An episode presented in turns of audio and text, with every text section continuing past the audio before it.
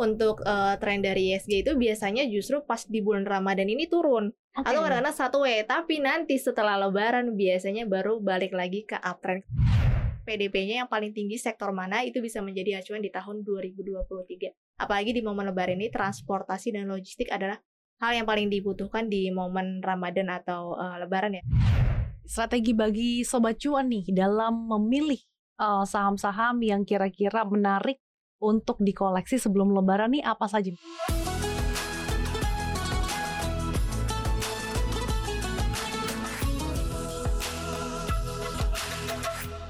Assalamualaikum Sobat Cuan, jumpa lagi dengan saya Sasa.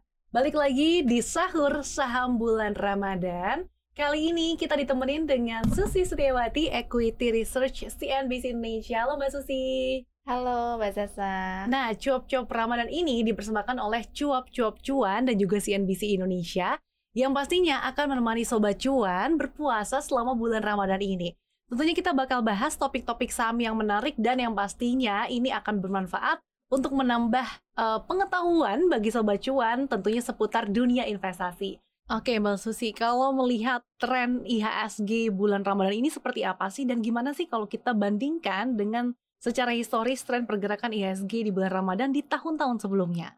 Oke, kalau kita misalkan flashback di tahun 2021 bahkan tahun 2020 nih ya, untuk uh, tren dari ISG itu biasanya justru pas di bulan Ramadan ini turun okay. atau kadang-kadang satu W tapi nanti setelah Lebaran biasanya baru balik lagi ke uptrend kalau kita lihat dari uh, periode 2021 kemudian 2020 dan 2018 kecuali 2019 itu uptrendnya hanya kecil aja ya secara secondary tapi kalau secara major itu yang paling terlihat itu di tahun 2021 dan tahun 2020 hingga 2018. Oke, jadi sebenarnya mayoritas sideways begitu artinya mm -hmm. apakah ini menjadi momen bagi para sobat cuan nih untuk akumulasi dulu nih saham-saham yang mungkin prospektif? Oke, sebenarnya kalau kita ngomong mau akumulasi itu kan tergantung dari sektornya ya uh, di mana kalau kita beli ya harus di harga murah dan jual di harga mahal dong. Kalau sekarang memang kita lihat pergerakan ISG di saat ini memang sedang mengalami tren penurunan secara secondary trend ya. Kalau secara major itu justru sudah breakdown atau sudah tembus di MA 200 menuju tren penurunan. Tapi balik lagi ini bisa tren penurunan atau justru way secara major trend. Kalau secara secondary trend memang kita lihat justru sudah downtrend. Nah, kalau misalkan ditanya apakah ini saatnya untuk akumulasi atau tidak, ya justru ketika harga saham turun itulah waktu kita untuk membeli tapi kita balik lagi harus melihat dari sektornya dan juga bisnisnya ya. Karena kan bergantung kalau misalnya kita sekarang akumulasi batu bara nah batu bara kan sekarang demandnya memang masih rendah ya belum naik lagi. Nah ini mungkin belum cocok. Jadi bergantung pada sektornya juga. Oke okay. yang pasti sobat cuan gak mau ketinggalan nih untuk melirik saham-saham atau sektor-sektor apa saja sih yang biasanya memberikan return yang menarik nih bagi para sobat cuan. Nah, ini biasanya sektor-sektor apa sih Mbak Susi? Kalau di bulan Ramadan menjelang Lebaran yang biasanya dilirik oleh uh, para investor? Oke, ya pasti kalau kita ngomongin momen Ramadan hingga Lebaran itu pasti udah pasti consumer goods ya. Karena kita ketahui kalau kita bulan Ramadan biasanya tingkat konsumsi kita tuh justru lebih tinggi. Apalagi nanti buat momen-momen parcel Lebaran itu biasanya momen-momen dari sektor di consumer goods itu biasanya menarik. Kemudian juga kalau lebaran biasanya kita identik dengan beli baju lebaran ya yeah. atau beli sesuatu yang baru dan itu biasanya berpengaruh juga pada sektor retail.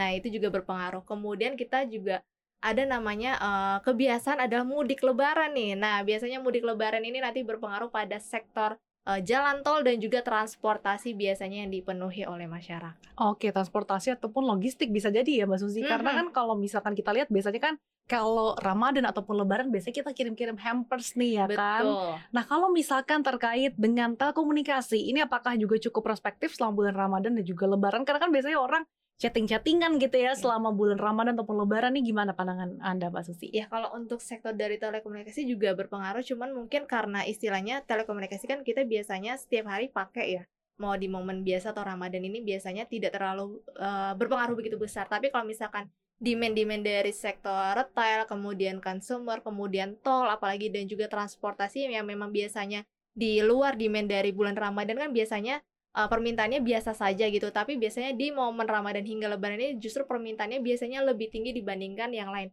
Kalau kita perhatikan salah satunya retail uh, Matahari atau LPPF, kalau kita perhatikan biasanya di kuartal 2 itu dia labanya paling tinggi dibanding kuartal yang lainnya dikarenakan pengaruh dari momen belanja lebaran justru. Oke, jadi momen belanja Ramadan apalagi biasanya orang dapat THR ya, otomatis pasti daya beli masyarakat semakin meningkat nih. Betul. Terus kemudian di belanja ini juga ternyata meningkatkan juga ya bagi laba perusahaan khususnya di bidang retail gitu. Nah, kalau saham-saham lain nih selain tadi yang disebutkan Mbak Susi yang cukup prospektif ataupun bisa dikoleksi nih oleh Sobat Cuan nih apa saja? Oke, jadi kita ngomong emitennya ya. Kita cek dulu ya emiten yang memang prospeknya cukup menarik dari sektor consumer goods dulu.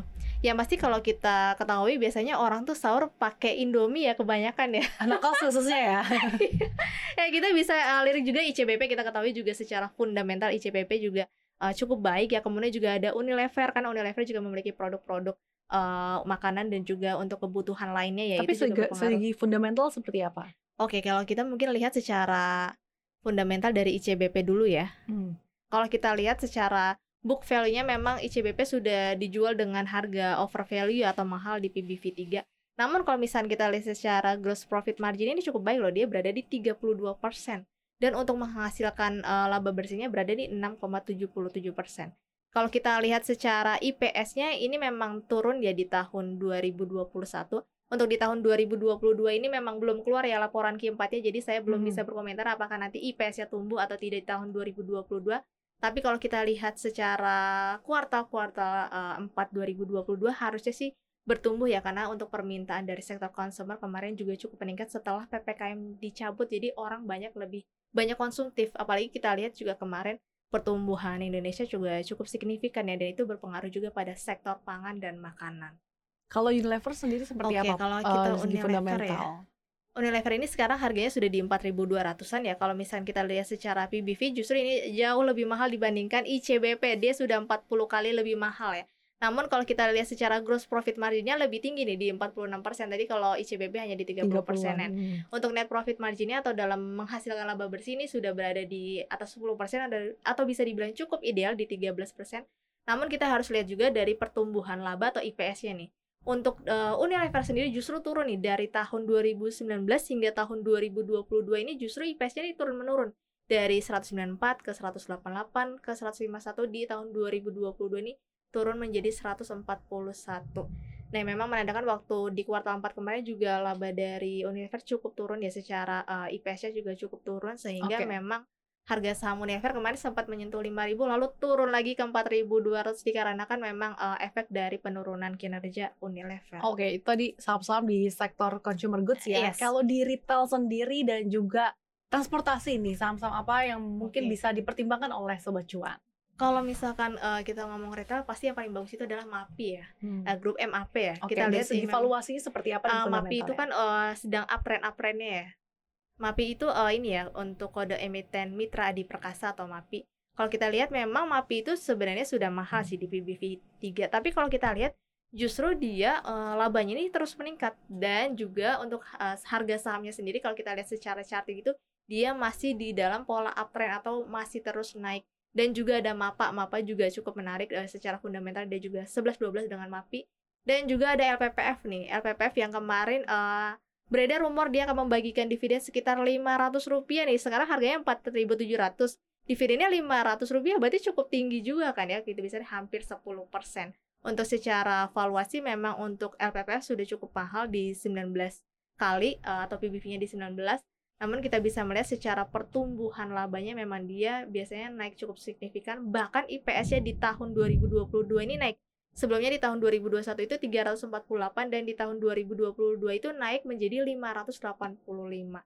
Dan juga ada Ramayana. Biasanya Ramayana juga masih cukup ramai ya Iya. untuk dikunjungi atau dengan kode emiten RALS ya. Untuk RALS sendiri eh, kemarin belum merilis ya hasil laporan kuartal 4 sehingga kita belum bisa menilai IPS-nya apakah nanti akan bertumbuh. Tapi kalau kita melihat di sini IPS-nya untuk kuartal 4 saja belum keluar tapi sudah lebih tinggi nih daripada tahun 2021. Di 2021 IPS-nya 24, sedangkan di 2022 yang laporan keuangan kuartal 4 ya belum rilis tapi sudah di 56. Nah, ini menandakan bahwa memang RALS juga sudah menunjukkan kinerja yang baik. Oke, kalau saham-saham di sektor transportasi atau logistik nih yang kira-kira sobat cuan bisa pertimbangkan buy sebelum lebaran. Oke, kalau transportasi sebenarnya eh, banyak sih yang menarik seperti Garuda, apalagi sebenarnya Garuda itu cukup baik sih. Cuman mungkin secara eh, fundamental memang masih banyak dipertanyakan karena masih tingginya hutang-hutang ya. Apa kemarin juga baru saja suspend ya. Kita menunggu saja dari hasil kuartal 4 karena kita ketahui juga Jia ini masih merugi di tahun-tahun sebelumnya. Jadi kita lihat di hasil kuartal 4 apakah akan membalik kinerjanya membaik atau kembali merugi nih. Lalu juga ada Air Asia ya kita ketahui atau dengan kode emiten CMPP ini juga cukup menarik untuk CMPP sendiri untuk CMPP sendiri ini memang uh, secara fundamental memang masih merugi sih ya untuk secara tahunan dari tahun 2020 hingga tahun 2022. Tapi kalau misalkan nanti di kuartal 4 dia membukukan laba ini sudah mulai tanda-tanda turnaround nih dari CMPP sendiri. Untuk uh, jadi kalau transportasi kita bisa melirik saham-saham yang memang transportasinya di bidang uh, pesawat ya. Karena kan hmm. kita ketahui yang sudah banyak listing adalah memang transportasi udara ya.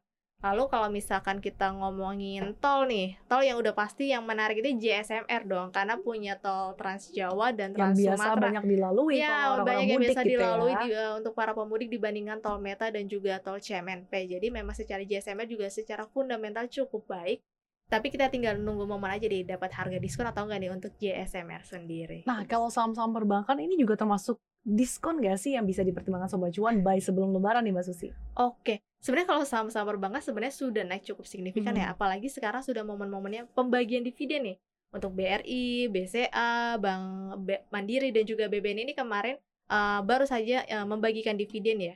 Biasanya kalau habis membagikan dividen untuk bank-bank big cap justru nanti harga sahamnya bakal melambung lebih hmm. tinggi nih biasanya dikarenakan uh, kinerjanya kemarin kuartal 4 naik lalu dividennya cukup besar ya pelaku pasar kenapa tidak mengapresiasikan gitu ya, ya. Uh, istilahnya membeli barang kembali sehingga harga sahamnya ikut kembali naik. Mungkin yang bisa dilirik ada beberapa saham syariah atau bank-bank mini memang yang istilahnya naiknya belum cukup signifikan tapi perlu diperhatikan apakah labanya bertumbuh atau tidak nih karena kalau harganya murah tapi labanya nggak bertumbuh ya tetap aja harga sahamnya pasti di situ-situ hmm, aja. Iya, iya. Nah sebetulnya apa saja sih Mbak Susi risiko yang patut diperhatikan oleh sobat cuan nih ketika pilih-pilih gitu saham-saham yang bisa dipertimbangkan untuk beli sebelum lebaran. Oke, kalau misalnya kita tadi kan kita udah sebutin sektor-sektornya apa saja. Tinggal kita pilih dari produknya yang paling dicari nih yang mana nih. Kemudian selain dari produk yang lebih familiar, kita juga harus melihat dari valuasi. Mana nih yang lebih murah? Seperti hmm. tadi MAPI dan LPPF yang lebih murah misalkan adalah MAPI. Berarti kita lebih prospek lebih memilih yang valuasinya lebih murah dong ya. Dan pastinya uh, labanya juga bertumbuh selain labanya bertumbuh ketika sudah memutuskan untuk membeli jangan lupa atur money management ya karena harus mengatur money management ya karena kan biasanya harga sekarang bisa jadi nanti lebih murah lagi sehingga perlu mengatur money management. Oke, tapi kalau dari segi kinerja nih Mbak Susi, sebetulnya gimana sih perbandingan kinerja saham-saham yang berkaitan nih biasanya dengan Ramadan kemudian Lebaran, tapi dibandingkan dengan saham-saham atau sektor di bidang yang sama gitu? Oke, jadi di bidang sektor yang sama ya, cara uh, membandingkannya ya. Pembandingannya kita bisa dari evaluasi ya paling gampangnya sih PBV dan juga book value saja. Tapi perlu diperhatikan pertumbuhan laba juga perlu ya karena uh, istilahnya pergerakan harga saham akan berjalan sesuai dengan kinerja. Meskipun harganya murah tapi kalau labanya kalah jauh dengan harganya yang mahal biasanya tetap harga saham yang mahal dan uh, labanya bertumbuhlah yang biasanya akan naik harga sahamnya. Dan untuk yang murah tapi labanya nggak bertumbuh justru harga sahamnya biasanya akan stuck atau bahkan bisa lebih turun dengan harga yang lebih murah lagi. Oke, pertanyaan sobat cuan mungkin gini Mbak Susi, kapan sih momentum yang tepat nih untuk mengakumulasi saham-saham unggulan sebelum Lebaran? Oke, ya masih itu harus melihat dari per emitennya ya. Kita nggak bisa lihat secara sektoral tapi per emiten. Misalkan kita ambil contoh uh, eh, LPPF deh, kita ambil contoh LPPF ya sekarang MMF kan uh, ada rumor akan membagikan dividen sekitar 500-an ya. Dan kita juga tahu untuk Matahari Department Store ini biasanya momen lebaran ini justru labanya meningkat ya dibandingkan kuartal lainnya. Nah, kalau untuk uh, kapan sih kita ngambil untuk harga sahamnya? Sedangkan kan kuartal 4 LPPF itu sudah rilis ya kemarin sehingga uh, istilahnya momen untuk beli kemarin ketika harganya turun sudah lewat. Nah, mungkin teman-teman juga bisa melihat secara teknikal nih selain secara fundamental karena kemarin sudah lewat untuk kuartal 4-nya sudah rilis bisa secara fundamental kalau kita eh secara teknikal kalau kita lihat sekarang justru sudah berada di area supportnya nih. Hmm. area supportnya kemarin menyentuh di harga kisaran 4.600 nah biasanya kita bisa uh, mengambil di area titik-titik supportnya dari masing-masing emiten selain dari sisi fundamental. Kalau misalkan dari sisi fundamentalnya sudah nggak dikasih diskon kita harus lihat dari titik support terdekatnya jadi secara teknikal Oke, kalau kita flashback sedikit nih Mbak Susi, kalau misalkan lihat rata-rata saham-saham di consumer goods ini kan dalam tren yang downtrend ya. Tapi kalau melihat pada uh, bulan Ramadan di tahun-tahun berikutnya, saham-saham apa saja sih ini yang menjadi raja begitu ketika bulan Ramadan? Oke, biasanya menjadi raja ya. Ini bergantung pada sitkon ekonomi sebenarnya sih. Kalau mungkin di tahun 2021 itu karena lagi booming-boomingnya call itu di momen lebaran pun call juga lagi tinggi-tingginya gitu. Hmm. Tapi kalau sekarang kan momen batu bara sudah berakhir ya, istilahnya bukan berakhir, tapi demandnya sudah mulai uh, lebih Udah. turun Hmm. dibandingkan uh, periode sebelumnya. Kemudian kalau kita melihat komoditas lainnya untuk seperti sawit juga sawit masih demandnya masih cukup kecil sehingga untuk yang paling berpengaruh sekarang adalah uh, justru konsumer dan juga transportasi. Kalau kita perhatikan untuk uh, sektor di transportasi itu juga masih cukup baik. Untuk beberapa sahamnya juga kemarin mengalami kenaikan karena memang di tahun 2022 kemarin itu transportasi ini justru kenaikannya uh, pendapatan domestik brutonya paling tinggi dibandingkan sektor lainnya. Nah, itu bisa menjadi acuan nih di mana kemarin PDP-nya yang paling tinggi sektor mana itu bisa menjadi acuan di tahun 2023. Apalagi di momen lebaran ini transportasi dan logistik adalah hal yang paling dibutuhkan di momen Ramadan atau uh, lebaran ya karena untuk uh, mengirim parcel atau mengirim paket dan juga untuk uh, arus mudik lebaran nanti.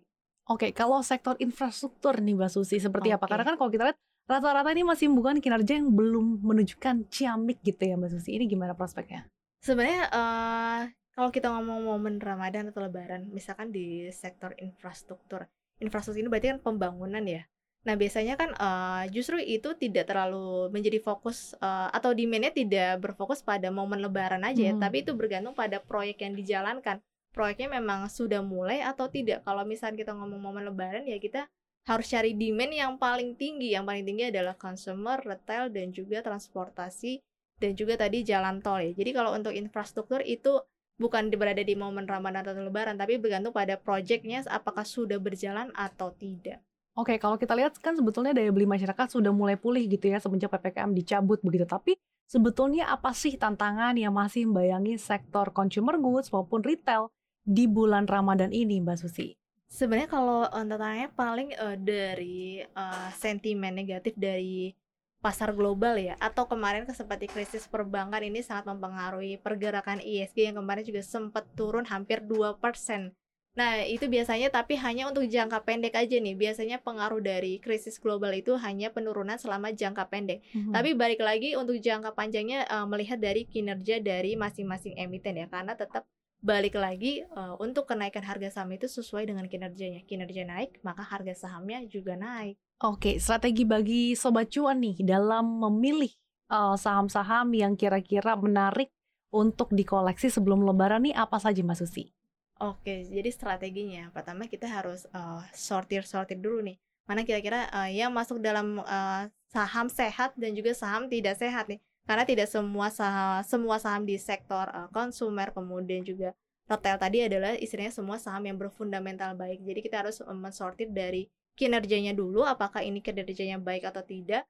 Lalu juga dari segi valuasinya harus dilihat juga per masing-masingnya. Jadi jangan main hajar-hajar semua tapi harus eh, bisa menghitung apakah valuasi yang sekarang ini sudah layak dibeli atau tidak. Dan yang pastinya beli di harga murah, jual di harga mahal. Nah, Mbak Susi, tapi kalau melihat eh, dari segi capital gain suatu saham ini cukup melejit gitu ya pada saat bulan Ramadan, tapi kok sebenarnya kalau dilihat secara fundamental ataupun ataupun valuasinya nih biasa-biasa aja. Apakah ini cukup oke nih untuk dipertimbangkan di koleksi sebelum Lebaran?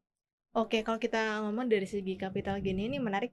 Eh, sebenarnya itu tergantung pada demand ya, karena ada beberapa eh, memang emiten atau di sektor seperti retail juga tadi yang memang hanya naik eh, kinerjanya hanya di momen lebaran seperti LPPF tadi ya. Dia memang kinerjanya bisa menukik di momen Ramadan karena memang orang lebih banyak belanja baju lebaran ataupun eh, pendukung lainnya itu biasanya di momen Ramadan dan juga lebaran. Jadi tergantung juga pada demand-nya nih. Kalau misalnya memang demand-nya di emiten tersebut tinggi, otomatis dia juga akan menaikkan harga sahamnya sehingga akan menguntungkan secara capital gain. Oke, di tahun ini kan pemerintah menetapkan cuti bersama yang lumayan panjang ya Mbak Susi dibandingkan eh, tahun-tahun sebelumnya karena kita tahu ada pandemi COVID-19. Nah, ini akan seberapa besar sih dampaknya bagi sektor-sektor yang berhubungan dengan eh, Ramadan begitu. Nah, sektor-sektor mana nih yang paling terdampak? Oke, kalau kita ngomongin eh, libur lebaran kan berarti eh, di mana orang-orang eh, of transaksi ya karena kan biasanya bursa libur juga. Cuman kalau kita ngomong-ngomong masa-masa lebaran, apalagi liburnya sekitar uh, hampir dua minggu, ini biasanya orang akan berkunjung ke tempat-tempat wisata nih justru. Hmm. Nah, biasanya ini sektor-sektor pariwisata juga bisa menjadi perhatian karena biasanya akan menunjang kinerjanya pada di momen-momen tertentu terutama di momen-momen uh, lebaran sehingga uh, dari sektor pariwisata juga akan diuntungkan dari momen Ramadan hingga lebaran nanti.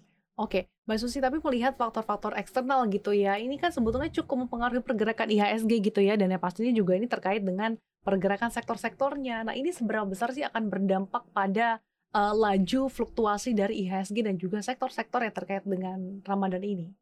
Oke, kalau uh, misalkan dari eksternal sendiri kan ya paling tadi uh, seperti yang berpengaruh pada krisis global ya. Tapi itu hanya berpengaruh pada jangka pendek aja. Untuk jangka panjangnya balik lagi ke emitennya masing-masing, kinerjanya baik, maka harga sahamnya juga akan baik. Oke, nah mungkin terakhir nih Mbak Susi, idealnya nih seperti apa sih alokasi dari saham-saham yang kita koleksi sebelum lebaran untuk kita maksimalkan di portofolio kita dan kira-kira maksimal berapa saham atau mungkin berapa sektor sih yang kita simpan nih di portofolio kita? Oke, kalau kita ngomong portofolio ini tergantung dari budget masing-masing ya. Tapi kalau saran saya yang misalkan budgetnya masih di bawah 100 juta, itu adalah kita uh, maksimal punya tiga saham saja. Kita bisa menukik tadi uh, memilih untuk retail satu, kemudian uh, jalan tol satu, dan satu lagi mungkin bisa transportasi ya karena memang tiga sektor ini yang paling menunjang atau bisa diganti juga tadi retailnya uh, menjadi consumer goods mana yang kira-kira valuasinya paling murah ambil saja masing-masing per satu saham jika dananya memang masih di bawah 100 juta tapi kalau sudah di atas 100 juta ini bisa uh, memilih lebih dari lima saham dan tinggal pilih saja mana yang valuasinya menarik dan kinerjanya juga baik. Oke, tapi kalau tadi dananya di bawah satu juta tapi punya uh, jumlah saham atau sektor lebih dari tiga, ini harus apa nih Mbak Susi? Apakah harus di-cut-cut semuanya atau seperti apa? Sebenarnya tergantung pada masing-masing uh, investor ya, karena ada yang uh, tidak bisa memiliki saham banyak, ada juga yang memang mampu mengkontrol sahamnya banyak gitu ya. Jadi balik lagi kepada uh, psikologis masing-masing kalau misalkan modalnya masih di bawah 100 juta tapi mampu mengelola 5 hingga 10 saham itu nggak masalah, tapi balik lagi harus uh, dilihat juga nanti uh, secara bertahap ya apakah ini nanti sahamnya akan naik atau tidak atau istilahnya bertumbuh atau tidak portofolinya. Jadi jangan sampai uh, 10 saham ini justru uh, istilahnya boncos 8 yang untung cuma dua gitu ya. Mendingan punya tiga tapi untung semua gitu. Nah. jadi pilih ya memang yang terbaik secara valuasi dan juga kinerja. Kalau tadi saya bilang terakhir kayaknya ini yang terakhir nih Mbak Susi. Kalau misalkan sendiri kita akumulasi nih sejumlah saham yang mungkin cukup menarik untuk dipertimbangkan sobat cuan tapi kita baru ambilnya tahun depan gitu lebaran tahun depan. Jadi nggak langsung ambil sekarang gitu ya ini kira-kira sektor-sektor apa sih yang cukup menarik dan kira-kira tepatkah kalau misalkan kita mau simpen dulu nih dalam waktu cukup lama, tapi khususnya terkait dengan saham-saham yang related sama Ramadan dan juga Lebaran? Oke, berarti ngambilnya sekarang, jualnya tahun depan gitu? Iya, atau mungkin dua tahun lagi yang penting oh, pokoknya terkait dengan Ramadan dan Lebaran nih saham-sahamnya. Oke, biasanya kalau misalkan kita ngomong perusahaan yang growth ya atau yang bertumbuh itu nggak masalah kita simpennya jangka panjang. Tapi kalau kita ngomongin by cyclus, biasanya kan seperti uh, uh, jalan tol itu rata-rata sebenarnya bisa dibilang uh, uh, ya gitu. Kemudian juga kalau untuk consumer biasanya bisa dibilang perusahaan bertumbuh karena itu produknya bisa dipakai terus. Tapi kalau untuk retail kadang-kadang juga bisa dibilang bersiklus juga tergantung pada kinerja juga apakah memang barangnya itu uh, konsumtif atau memang hanya dibeli di saat momen-momen tertentu saja. Jadi harus dibedakan mana saham yang bertumbuh dan mana saham yang bersiklus. Kalau yang bersiklus karena saya uh, istilahnya sesuai ikutin sesuai siklusnya aja. Kalau siklusnya sudah berakhir ya dijual. Tapi kalau misalnya saham bertumbuh itu bisa kita simpan uh, range antara 3 hingga 5 tahun ke depan. Oh, Oke, okay. sekali lagi disclaimer on ya Sobat Cuan, segala keputusan investasi berada di tangan Anda. Terima kasih Mbak Susi Setiawati, Equity Analyst CNBC Indonesia telah bergabung bersama kami di Cuap-Cuap Ramadan. Terima kasih juga buat Sobat Cuan yang sudah dengerin sahur pada hari ini. Dan jangan lupa untuk terus dengerin cuap-cuap Ramadan persembahan dari cuap-cuap cuan dan juga CNBC Indonesia. Jangan lupa untuk terus dengerin podcast kita di Spotify, Apple Podcast, Google Podcast, dan juga Anchor. Jangan lupa juga untuk follow Instagram kita di cuap underscore cuan. Dan yang pasti jangan lupa juga nih untuk subscribe YouTube cuap-cuap cuan dan juga like dan komen sebanyak-banyaknya. Sampai jumpa di cuap-cuap Ramadan berikutnya.